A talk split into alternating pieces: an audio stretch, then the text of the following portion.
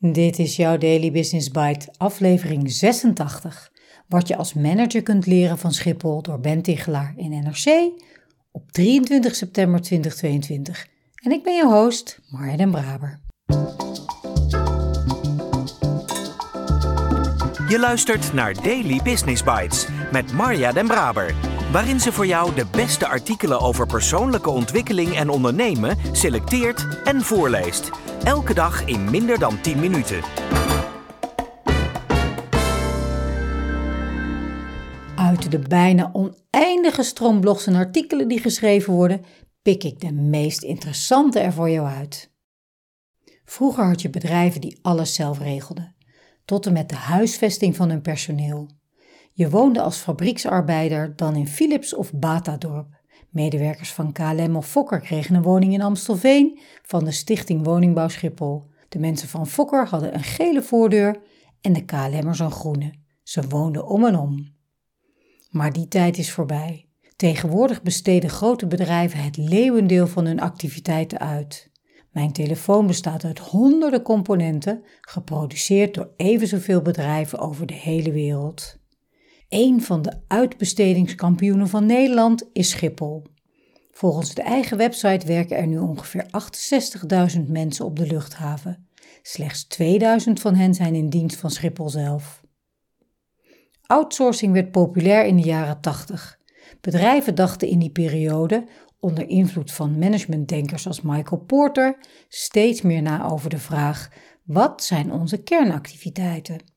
Het uitgangspunt werd Concentreer je op die bedrijfsactiviteiten waar je echt het onderscheid mee kunt maken, bijvoorbeeld design of marketing, en besteed de rest van de werkzaamheden uit aan bedrijven die het beter of goedkoper kunnen dan jijzelf. Destijds waarschuwde Porter en zijn collega's natuurlijk ook voor de risico's, zoals Pas op met het uitbesteden van werkzaamheden die essentieel zijn voor de continuïteit van je productie of dienstverlening en Besteed geen taken uit die belangrijk zijn voor de relatie met je medewerkers. Maar in de praktijk werd de afgelopen decennia heel veel werk uitbesteed en aanbesteed en ging het vooral om lagere en nog lagere inkoopprijzen. Dat kun je managers verwijten, maar als consumenten zijn we medeschuldig. We kopen onze telefoons en vliegtickets graag voor een paar tientjes minder. De gevolgen op Schiphol concurreren nu al jarenlang allerlei passagiers- en bagageafhandelaars met elkaar om werk dat om de vijf jaar opnieuw wordt aanbesteed. In deze race naar de bodem moesten medewerkers regelmatig van werkgever wisselen en gingen ze er telkens wat verder op achteruit. In 2015 verscheen daarover al een zeer kritisch FNV-rapport. Dit voorjaar klaagde de vakbond dat de aanbesteding van beveiliging, schoonmaak, bagage- en passagiersafhandeling volledig was dolgedraaid. Door de chaos van het afgelopen jaar zag ook de Schiphol-directie in dat het uit- en aanbesteden was doorgeschoten. Topman Dick Benschop zei in maart dat de luchthaven weer een deel van de taken zelf ging doen. Zijn opvolger mag daar nu mee aan de slag. Wat steken we hiervan op? Uitbesteden lijkt eenvoudig, rationeel en neutraal, maar uiteindelijk gaat het om mensen.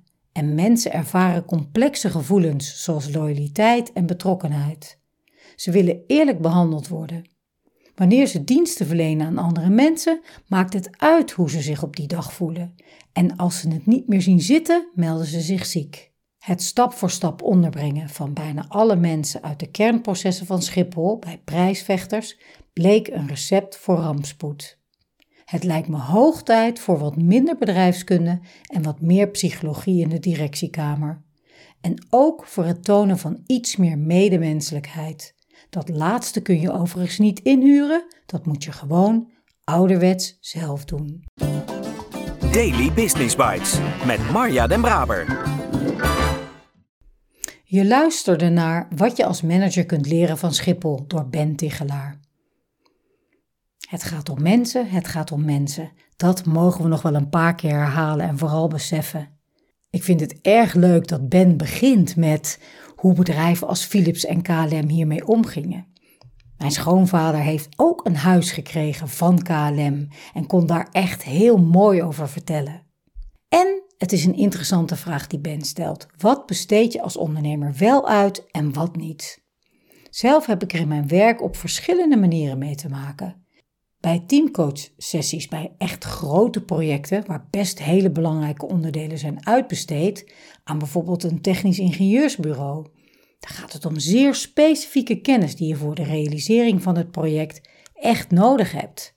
Hier zie ik ook altijd vragen over: zijn ze nou onderdeel van jouw team? Zeker, maar hoe dan? Welke overleggen zitten ze niet bij? Welke zitten ze wel bij? Is het goed als je eigenlijk het onderscheid tussen inhuur en eigen mensen niet meer merkt of weet?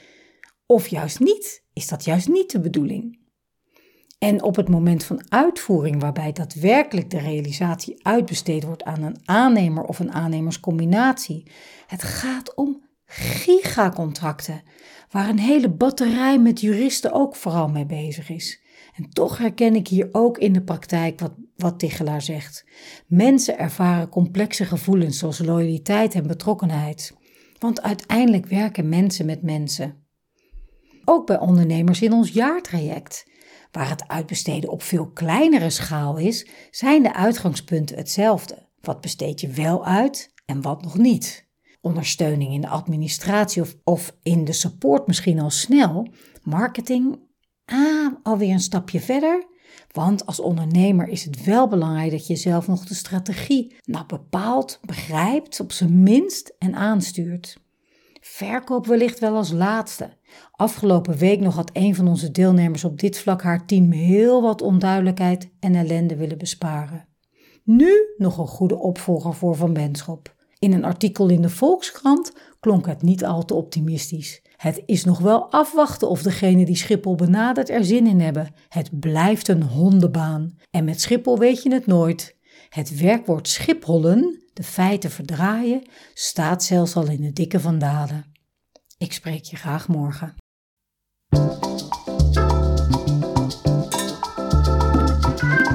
Was Daily Business Bites.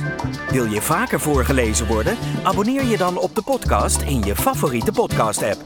Meer weten? Klik op de links in de show notes.